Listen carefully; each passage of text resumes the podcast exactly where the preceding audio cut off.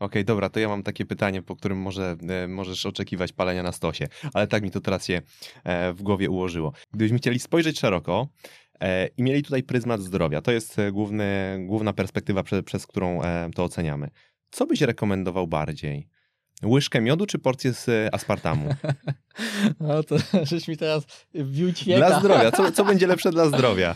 Oj, jak mam być szczery, to znów, biorąc dla populacji polskiej, która znów pod, podkreślę to, 58% osób ma nadwagę lub otyłość, rekomendowałbym sztuczne słodziki w myśl rekomendacji Polskiego Towarzystwa Leczenia Otyłości, które rekomenduje zamianę cukrów y, w diecie na y, substancje bezkaloryczne. Więc poleciłbym aspartam zamiast miodu, jeżeli mowa o, o wszystkich Polakach i Polkach. Mhm.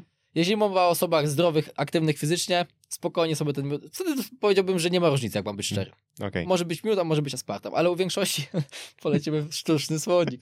Ale jak ktoś to ogląda i, i nie siedzi na co dzień w dietetyce, to wiesz, co sobie myśli.